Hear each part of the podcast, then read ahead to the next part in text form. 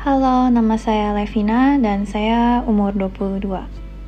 Selama pandemi, saya jadi lebih ingin jalan-jalan di dalam negeri sih, karena saya melihat teman-teman saya juga uh, yang tadinya hobi ke luar negeri, akhirnya karena ya memang nggak bisa ke luar negeri, mereka jadinya cari-cari tempat bagus yang di dalam negeri. Itu uh, membuat saya ingin ke tempat-tempat tersebut juga.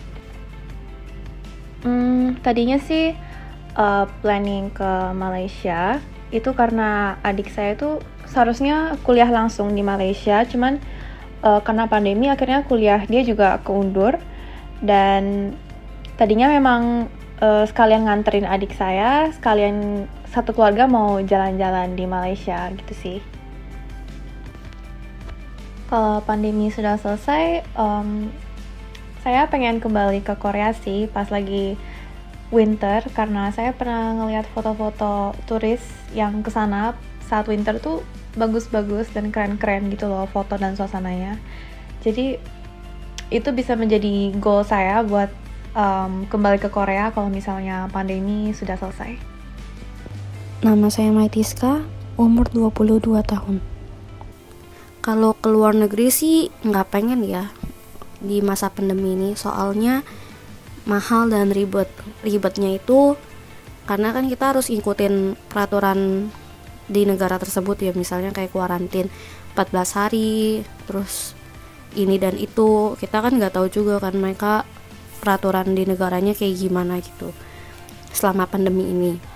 Tapi kalau dalam negeri ada tapi itu pun kalau yang dalam negeri yang deket-deket aja nih. Misalnya kan uh, gue di Tangerang dan gue pengennya perginya paling ke Bandung or Bogor.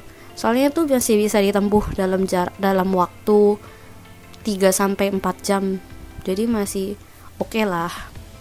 Dan itu bisa balik hari. Kalau planning trip ada ada. Uh, sebelum pandemi ini sempat planning trip ke Singapura buat ngunjungin makam kakek. Cuman karena ya pandemi jadi akhirnya nggak bisa. Nama gue Feren Stefani, usia gue 22 tahun selama pandemi sih pengen jalan-jalan pengen jalan-jalan ke ini sih kalau dalam negeri pengen ke Bromo sama pengen ke Bali. Itu pengen sih pengen banget. Kalau luar negeri pengen ke Thailand sama pengen ke Malaysia. Sebelum pandemi udah ada planning sih pengen ke Malaysia sama teman-teman. Cuman karena lagi pandemi akhirnya kita tunda juga. Karena kan karantina kan dua minggu Nama aku Renate Pinastika, umur sekarang 22 tahun. Kalau selama pandemi ini sih emang pengen ada sih pengen gitu ya jalan-jalan di dalam negeri gitu. Karena kalau ke luar negeri emang lebih sulit dan lebih riskan sih. Um, kalau menurut aku pandemi ini emang ngaruh banget ke sektor pariwisata dan itu yang berdampak uh, juga ke perekonomian masyarakat kita, ngaruh ke pemasukan masyarakat kita, kemudian negara Indonesia juga ekonominya jadi uh, nggak uh, stabil kayak gitu sih.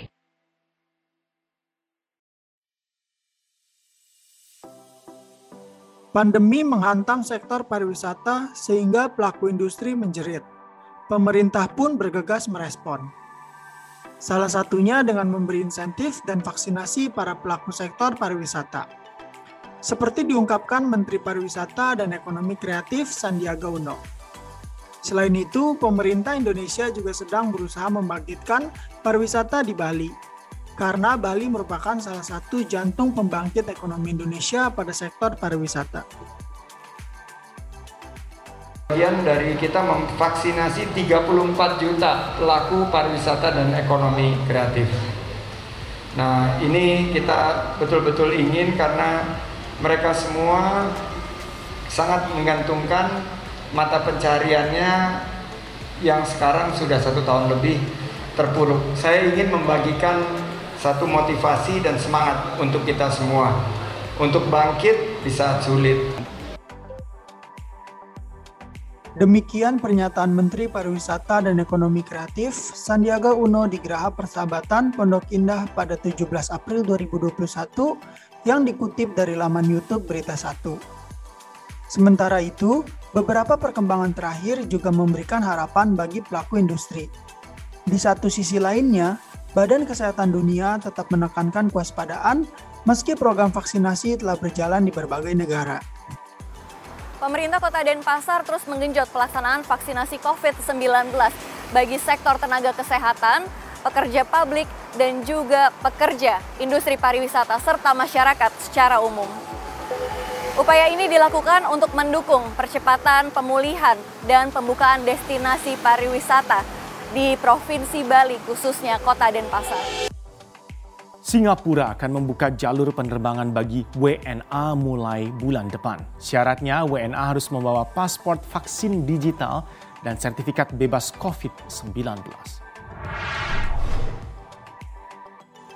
Regulator penerbangan Singapura menjelaskan mereka akan menerima tiket perjalanan seluler dari Asosiasi Transportasi Udara Internasional IATA untuk pemeriksaan pra keberangkatan.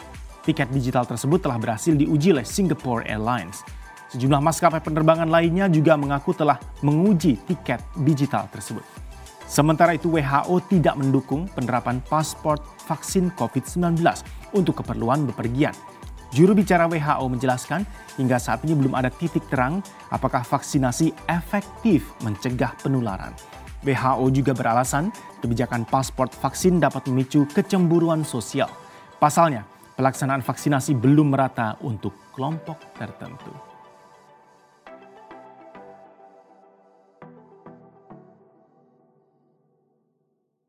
Halo Sobat Ngocor, kembali lagi sama Remy, host Ngocor pada episode kali ini. Remy mau recall ingatan kalian nih, para pendengar setia Ngocor. Coba diingat-ingat lagi sama pembahasan sebelumnya. Kira-kira ingat belum Pembahasan hari ini tetap ditemani oleh Kak Uti dan Kak Fitra. Akan tetapi, pembahasan hari ini lebih santai dan dirasa lebih banyak manfaatnya untuk kalian. Kenapa? Didengerin aja dulu. Sekarang sudah tersambung dengan kedua narasumber kece yang hobinya jalan-jalan. Yap, Kak Uti dan Kak Fitra. Halo, apa kabar kakak-kakak sekalian? Udah siap ya ditanya-tanya lagi?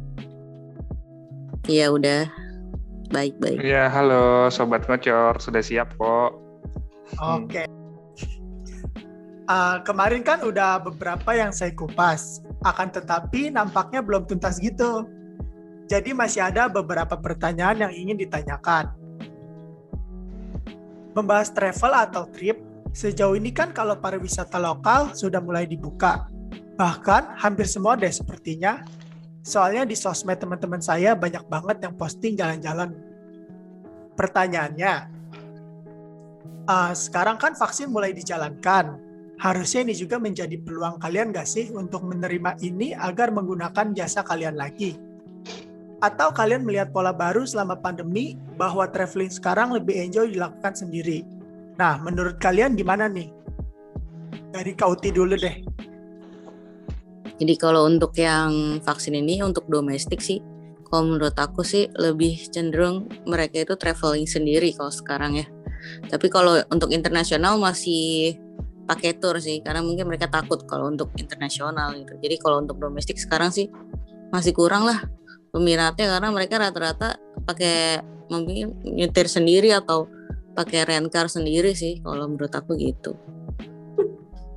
Fitra aja sekarang. Nah, kalau Kak Fitra gimana nih? Ya sebenarnya vaksin kan habis divaksin itu kan sebenarnya juga orang nggak nggak bisa langsung jalan. Dan orang yang divaksin pun yang dinyatakan vaksin pun belum tentu bisa langsung divaksin. Makanya sebenarnya orang lebih mikir di situ sih. Sebenarnya destinasi itu semua udah nyiapin diri ya. Cuman ya itu seperti belum ada marketnya aja kalau saya rasa sih sebenarnya harus lebih edukasinya lebih lebih gencar lagi deh edukasi vaksinnya.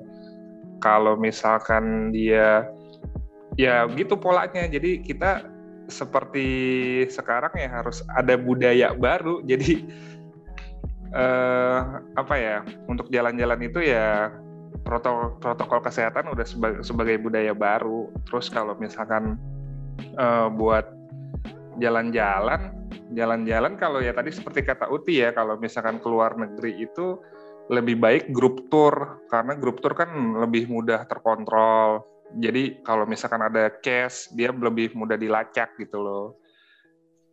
Oh. Seperti itu sih. Oke oke. Nah kita ngomongin domestik ya kayak ya. kan Bali nih pemerintahnya udah mulai sibuk genjot ekonomi pariwisatanya. Uh, ada nggak sih yang mulai ngelirik trip ke Bali nih dari dari KUT atau destinasi, destinasi lain deh yang nanya KUT gitu perjalanan domestik bisa nggak nih gitu? Kalau yang sebelum ada antigen wajib itu sih lumayan ya ke Belitung, ke Lombok. Tapi semenjak yang Januari ini agak kurang sih. Rata-rata mereka mungkin mikir ya untuk antigen dua kali gitu. Terus kalau sekarang lebih ya tadi yang aku bilang lebih mereka lebih milih trip sendiri sih. Apalagi ke Bali kayak udah common banget ya kalau Bali tuh kayak semua orang udah pernah ke Bali gitu sih. Oh, Oke. Okay. Ya. Nah kalau Kak Fitra uh, ada panggilan job nge-guide nggak nih selama pandemi? Kalau selama pandemi jujur belum ada karena kan mungkin uh, kalau saya pribadi kan memang kan uh, jatuhnya tour leader freelance jadi memang lebih lebih sedikit untuk dapat job gitu loh dibanding sebelum masa pandemi tapi oh. sebelum masa pandemi ya memang ada. Oke, oke, oke. Oke, nah. Lalu nih, ada tips aman untuk traveling di kala COVID-19 masih tinggi. Terlebih nih dari artikel Kompas, kalau Indonesia adalah negara urutan keempat di Asia dengan kasus COVID-19 terbanyak. Dari kalian ini ada tips nggak sih traveling dari KUT atau Kafitra? Ya, tips paling, gimana, sih? paling sih standar sih ya, selalu pakai masker, terus bawa hand sanitizer itu aja sih paling kalau dari aku ya apalagi ya cuman itu aja. Paling tipsnya. Cek cek cek juga sih kondisi kesehatan tubuhnya. Kalau dari saya tipsnya eh, biasain kan kita mau mau pergi nih udah tahu kan destinasi tujuan yang mau kita tuju.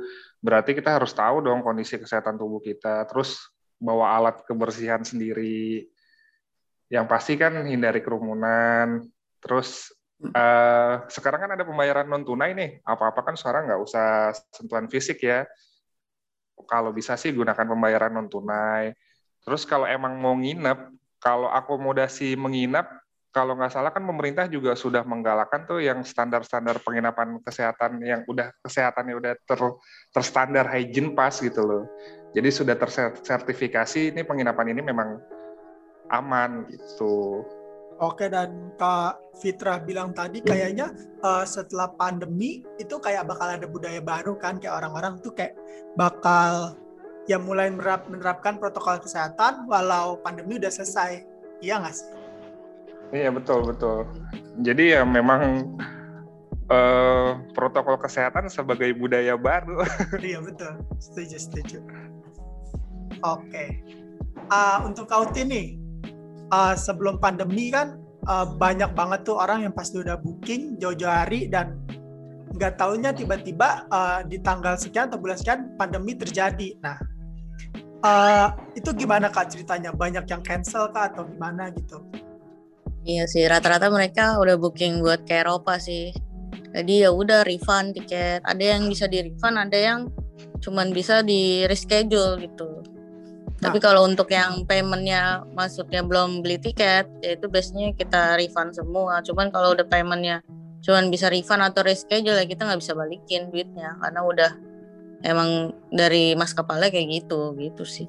Nah untuk refund tuh berapa persen sih kak yang dikasih ke mereka? Kalau refund tiket tergantung maskapalnya sih. Jadi oh. ya tergantung kebijakan kapalnya, nggak pesawat ya kita nggak bisa ngasih tahu berapa gitu. Nanti pas sudah selesai refund baru kita kirim gitu biayanya. Nah kalau ada yang cuman bisa reschedule ya berarti cuman bisa reschedule dia nggak bisa refund. Jadi cuman jadi biasanya kalau misalnya itu rata-rata Emirates ya. Biasanya mereka dua tahun gitu. Jadi kemarin harusnya ada April 2020 berarti maksimum uh, eh, 2022 April gitu sih. Belum ada kebijakan lain lagi dari maskapai itu. Sementara ya kayak gitu. Oh berarti istilahnya kalau yang reschedule itu mau nggak mau dia kayak nyangkut gitu ya di Kauti dan itu mau nggak mau nanti iya. bakal terbang dong setelah pandemi gitu. Iya. Iya nyangkut gitu sampai ada ketentuan lain dari uh, Emirates-nya kalau misalnya masih apa close mungkin bisa di refund untuk sekarang sih belum cuman bisa reschedule itu dari Dan- maskapai ya tergantung maskapalnya Oh dan untuk di schedule sendiri Kauti emang uh, pelanggan ini belum nentuin tanggal berapa gitu ya? Kayak masih nunggu kebijakan maskapai gitu ya. iya belum. Karena mereka mungkin masih karena keluarga ya. Jadi mungkin masih takut gitu. Takutnya nanti udah reschedule ternyata masih covid gitu. Jadi mereka ya masih gantung sih jatuhnya. Dan di situ nggak ada drama kan kak? Kayak diomel-omelin gitu kayak ya udah mereka kayak menerima keadaan aja gitu kak. Iya nggak ada sih karena kan tiketnya udah dikirim semua. Jadi sebelum COVID itu kit- aku udah ngirimin tiket semuanya jadi udah ada bukti gitu kalau emang tiketnya udah beli gitu loh. Kecuali aku belum kasih bukti tiket terus aku bilang nggak bisa nih di refund. Nah itu berarti kan aneh gitu sih. Oh ini udah ada tiketnya semua. Oh. Iya. Dan yang refund itu udah kelar kak masalahnya. Yang refund sih udah ada ada yang bisa refund kan. Nah itu masuknya ke kartu kredit. Jadi kalau dia butuh misalnya di hotel ya kita pakai kartu kredit itu gitu. Jadi nggak bisa ke debit ya langsung ke kartu kartu kredit ke temen kartu kredit temen kan soalnya. Jadi nanti dia misal dia mau liburan ke mana baru dipotong gitu sih paling. Oke oke oke oke. Nah kalau Kak Fitra gimana nih? Ibaratnya dari orang-orang seperti Kak Uti banyak lemparan job nge-guide itu harusnya deres kan. Uh, pada saat itu juga Kak Fitra baru baru pulang dari Jepang dan bilangnya udah nggak dapet job apa-apa. Tapi pasti sebelumnya udah banyak bookingan untuk pakai jasa Kak Fitra kan. Itu gimana Kak? Iya, kalau untuk tour leader sendiri sebenarnya sebelum pandemi ya juga udah ada planning mau ke mana-kemananya.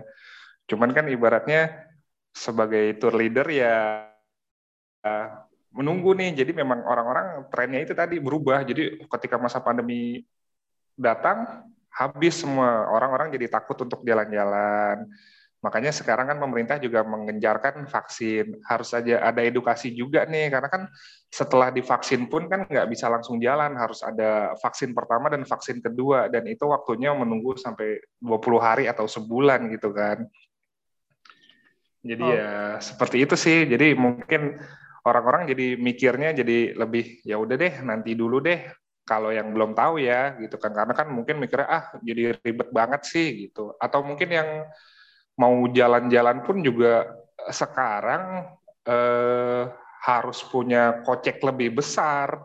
Nggak bisa nih kalau dulu kan kayaknya orang-orang yang nggak terlalu punya kocek yang banyak pun sepertinya bisa jalan. Kalau sekarang kan orang jadi, lebih mikir, ah kayaknya saya kalau mau jalan ke sana, jalan-jalan pun harus punya budget yang berlebih nih, entah itu untuk vaksin, entah itu nanti untuk karantina pribadi, kan orang jadi mikirnya seperti itu.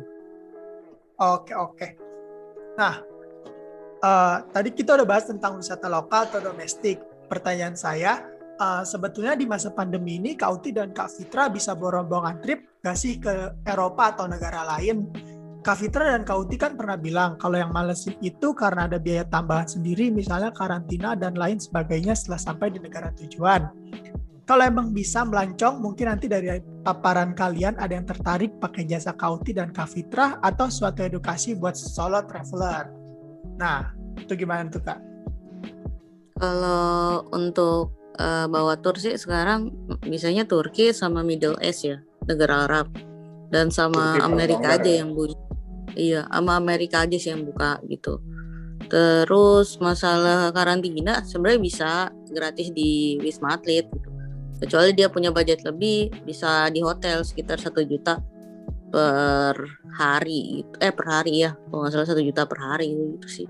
Jadi kalau sekarang cuma bisa Turki, Middle East, sama Amerika kalau ke luar negeri gitu sih. Untuk contoh lah, nanti belum oke. ada. Oke, eh, Mm-mm. contoh kita mau trip ke Amerika nih Kak, itu flow-nya gimana sih selama pandemi ini? Kalau aku baru buka trip Oktober ya dan selama visanya tuh antri gitu. Jadi April nih misalnya. Untuk Jakarta udah September. Kalau untuk Surabaya udah di Juli gitu. Kalau aku kemarin kebetulan ada yang reschedule jadi bisa dapat di April juga. Itu saking banyaknya antrian jadi ya gitu nunggunya sampai tiga bulan kalau yang Jakarta. Jadi emang kayaknya udah banyak yang bosen kali ya. Jadi pengen cepet-cepet keluar gitu kalau menurut aku sih gitu. Iya. Udah penat ya di rumah, pengen jalan-jalan. Iya kayaknya. Heeh. Oh tadi kan uh, kau bilang itu uh, di Jakarta atau di Wisma karantina dulu. Jadi uh, kalau kita mau keluar gitu uh, karantinanya di negara asal atau negara tujuan sih? Kita Kalau karantinanya di di sini. Uh, di sini. Di sebenarnya ada juga yang kebijakan kebijakan kebijakan ini rem. Jadi sesuai negaranya aja. Kayak Turki tadi kata Uti Turki itu paling longgar dia. Jadi kalau Turki itu nggak butuh sertifikat COVID atau apa. Jadi kalau di sana itu begitu kita sampai kalau memang tidak menunjukkan gejala apa apa ya bisa langsung wisata. Tapi kalau memang dia ada gejala seperti batuk pilek atau demam itu dia uh, pemerintah sana itu mewajibkan untuk tes pribadi gitu. Kalau yang dari saya saya pelajari ya, saya cek semua ya. Tadi kata Uti, Turki, Dubai, Inggris, Amerika sebenarnya juga udah buka. Sebenarnya negara Asia itu kayak Thailand dan Kamboja juga udah buka. Cuman ya itu seperti yang tadi saya bilang, agak berat untuk wisata ke sana karena koceknya berlebih kayak Thailand nih. Eh, begitu sampai Thailand sama kayak di Indonesia, dia mewajibkan 14 hari karantina dulu. Jadi kita udah udah mau di Indonesia-nya udah tes COVID, begitu sampai negara asal, dia harus 14 hari karantina. Yang paling ribet Kamboja malah tahu nggak di Kamboja itu harus deposit sekitar 44 juta. Jadi buat jaminan kalau misalkan si pelancong ini eh, kena COVID, ya itu langsung cek gitu. Terus juga harus nunjukin asuransi kesehatan, itu sih. Oh, Ngapain juga ke Kamboja sih. Males. Iya, tapi ribet loh. Apa? Saya baca, saya baca apa kebijakan pemerintahnya memang memang ribet. oh.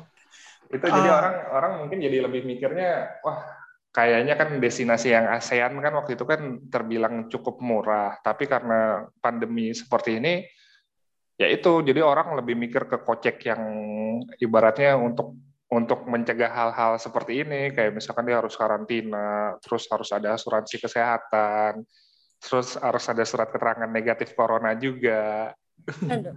Dan berarti itu semua dibebanin ke pelancong ya kayak dana pribadi gitu. Iya, itu Oke. dia. Makanya mungkin pelancong pelancong jadi mikirnya, ah kalau misalkan saya misalkan cuman jalan-jalan sebentar jadi agak males gitu. Kecuali memang dia ada kebutuhan jalannya selama sebulan, mungkin Oke. bisa sih. Oke, berarti sebenarnya dari paparan kalian juga eh, itu suatu info buat yang mereka yang mau pergi sendiri kan. Eh, kalau emang intinya ada biaya tem ada biaya lebih dan fine-fine aja sebenarnya kan sendiri juga. Iya betul. Ah. sebenarnya kalau misalkan kita siap, udah siap segala macam kan sebelum kita pergi kita kita udah cari info nih regulasi di negaranya itu seperti apa sih? Oh ternyata harus mengharuskan karantina nih. Berarti kan dia harus siap dong kalau misalkan nanti harus karantina pribadi atau biasanya eh, kayak di Indonesia deh. Indonesia kemarin teman saya kan di Dubai tinggal selama dua tahun pulang ke Indonesia pun ya gitu dia diwajibkan karantina pribadi gitu. Kalau memang dia eh, pekerja pekerja apa namanya pekerja bukan dari yayasan ya. Kalau TKI mungkin bisa diarahkan ke wisma atlet. Sama juga mungkin di negara sana. Oke, oke. Nah, tadi kita kan sempat bahas solo traveler bahwa ya bisa-bisa aja kan pergi sendiri. Nah, eh, terkait menjadi solo traveler, dari kalian ada tips and trick nggak sih ketika berpergian sendiri di negara orang atau negara sendiri? Kalau lebih pas- keren. Kalau pas pandemi gini eh, mungkin kurang ya. Kalau dulu kan masih ada cost surfing gitu. Jadi ketika kita solo traveler gitu kita bisa minta apa kayak saving budget eh, nginep di rumah orang-orang yang buka gitu kayak cost surfing kayak. Jadi eh, saving budgetnya lumayan gitu. Kalau sekarang solo traveler kayaknya nggak bisa tuh untuk cost surfing. Jadi budgetnya harus lebih banyak gitu. Gitu sih terus ya kalau dulu cost surfing itu misalnya kita lagi di misalnya di London nih ya kita buka aplikasinya London ada nih yang meet and greet ke mana-mana ada kegiatan apa aja tuh enak gitu jadi bisa ngikutin gitu. Nah kalau sekarang kayaknya mungkin nggak tahu deh aku belum buka lagi. Terus sih sebenarnya setiap daerah itu ada namanya free guide tour gitu. Kalau misalnya daerah-daerah yang emang mainstream gitu ya bisa juga tuh ikutan free guide tour. Jadi walking tour ke mana ke mana yang free. Paling eh, cuman ngasih tips beberapa dolar atau berapa euro ke si guide-nya itu. Nah, itu lebih ini sih worth it sih daripada kita jalan sendiri nggak jelas gitu loh. Kayak apaan. gitu sih yeah. dan kalau misalnya solo traveler tuh dia harus yang humble sih kalau misalnya dia pendiam gitu juga kayak aneh gitu ngapain sendiri gitu kayak aneh sih gitu aja sih dari aku oh karena kan solo traveler jatuhnya menantang diri ya kalau diam aja ya nggak ada tantangan ya nggak sih iya jadinya nggak jadi harus sama yang hum, ya harus humble sih dia sendiri jadi dia bisa memperbanyak temen dia di negara lain sih kalau kalau menurut aku gitu. Oh. Iya. Gitu. Ya, itu sih buat nambahin ya sedikit tips dan trik ya seperti yang Muti bilang.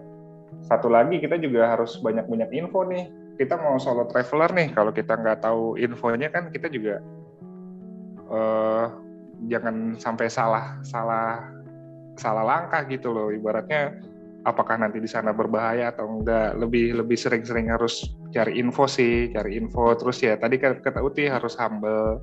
Humble di sini juga jangan terlalu humble banget ya karena ada orang-orang yang memang memanfaatkan kebaikan orang. Jadi scammer-scammer itu orang-orangnya humble banget loh sebenarnya. Kita harus harus bisa melihat juga bisa melihat membaca situasi lah. Makanya lebih sering cari info gitu sih. Oke, kita lanjut. Uh, menurut Kak Fitra dan Kak Uti, uh, apakah kebijakan pemerintah untuk membantu pelaku industri pariwisata sudah cukup dan ada nggak sih harapan dari kalian? Kayaknya belum ya. Kalau sih menurut aku belum ada kebijakan apa pun yang membantu aku gitu. Apalagi kalau pas semenjak antigen sih itu agak susah. Tapi sekarang pas ada Ginas lumayan lah ya. Tapi belum semua bandara aja yang ada gitu sih karena di Jinos lebih murah cuma iya. empat puluh ribu cuman kadang hmm. Kayak lucunya sih kayak kemarin nih aku kan dari Surabaya. Nah temen aku Ginos itu positif. Jadi diarahkanlah ke uh, antigen. Antigen. Antigen. Uh, baru negatif. Berarti kan double kan 40 sama 170 ya jadi kalau kayak gitu juga sama aja jatuhnya lebih mahal-mahal juga gitu. Jadi ya untung-untungan juga sih Ginos itu. Kayak gitulah.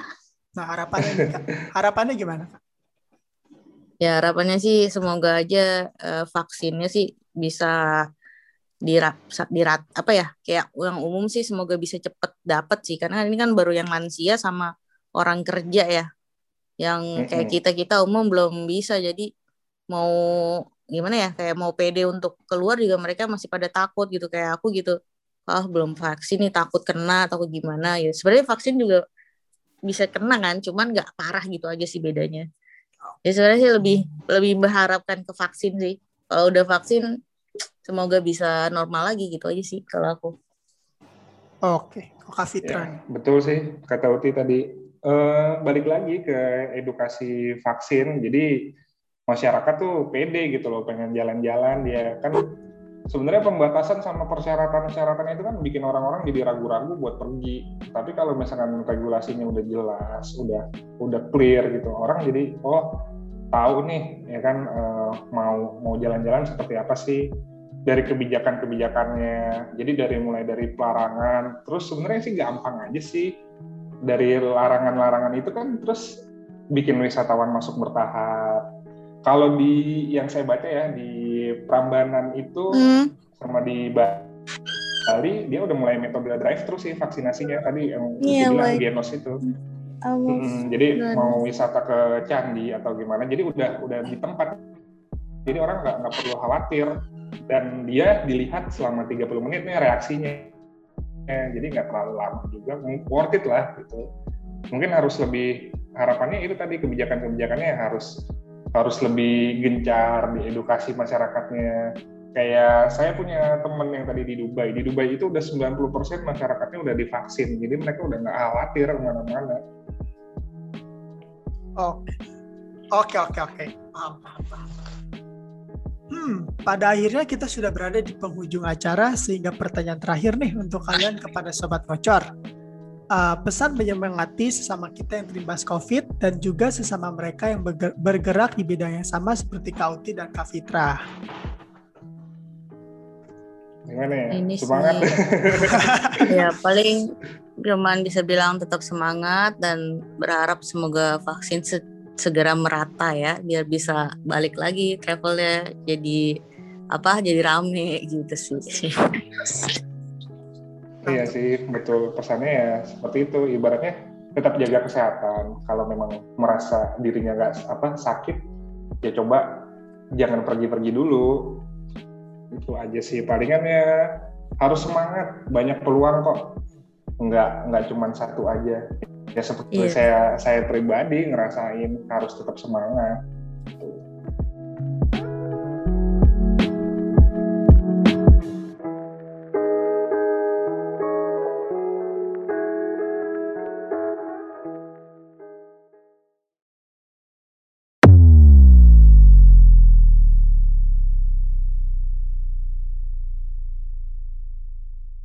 Untuk saya pribadi waktu itu ya benar-benar kehilangan yang biasanya dulu sebulan itu bisa minimal dua kali ngetrip. Ini sekarang benar nggak ada sama sekali. Itu saya sampai jualan apa aja.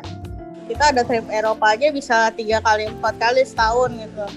Sekarang benar-benar nggak ada ya otomatis pemasukan nggak ada sama sekali gitu. Paling gunain tabungan gitu. Harapannya itu tadi kebijakan-kebijakannya harus harus lebih gencar di edukasi masyarakatnya. Belum ada kebijakan apa pun yang membantu aku gitu.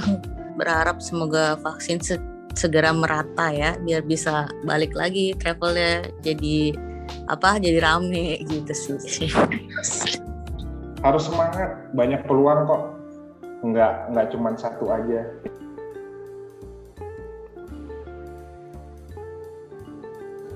Sobat ngocor, Terkadang bercerita tidak cukup sebentar. Ketika bercerita, seseorang akan mengingat-ingat kembali kejadian-kejadian detail dan apa yang dirasakan saat-saat sulit ini.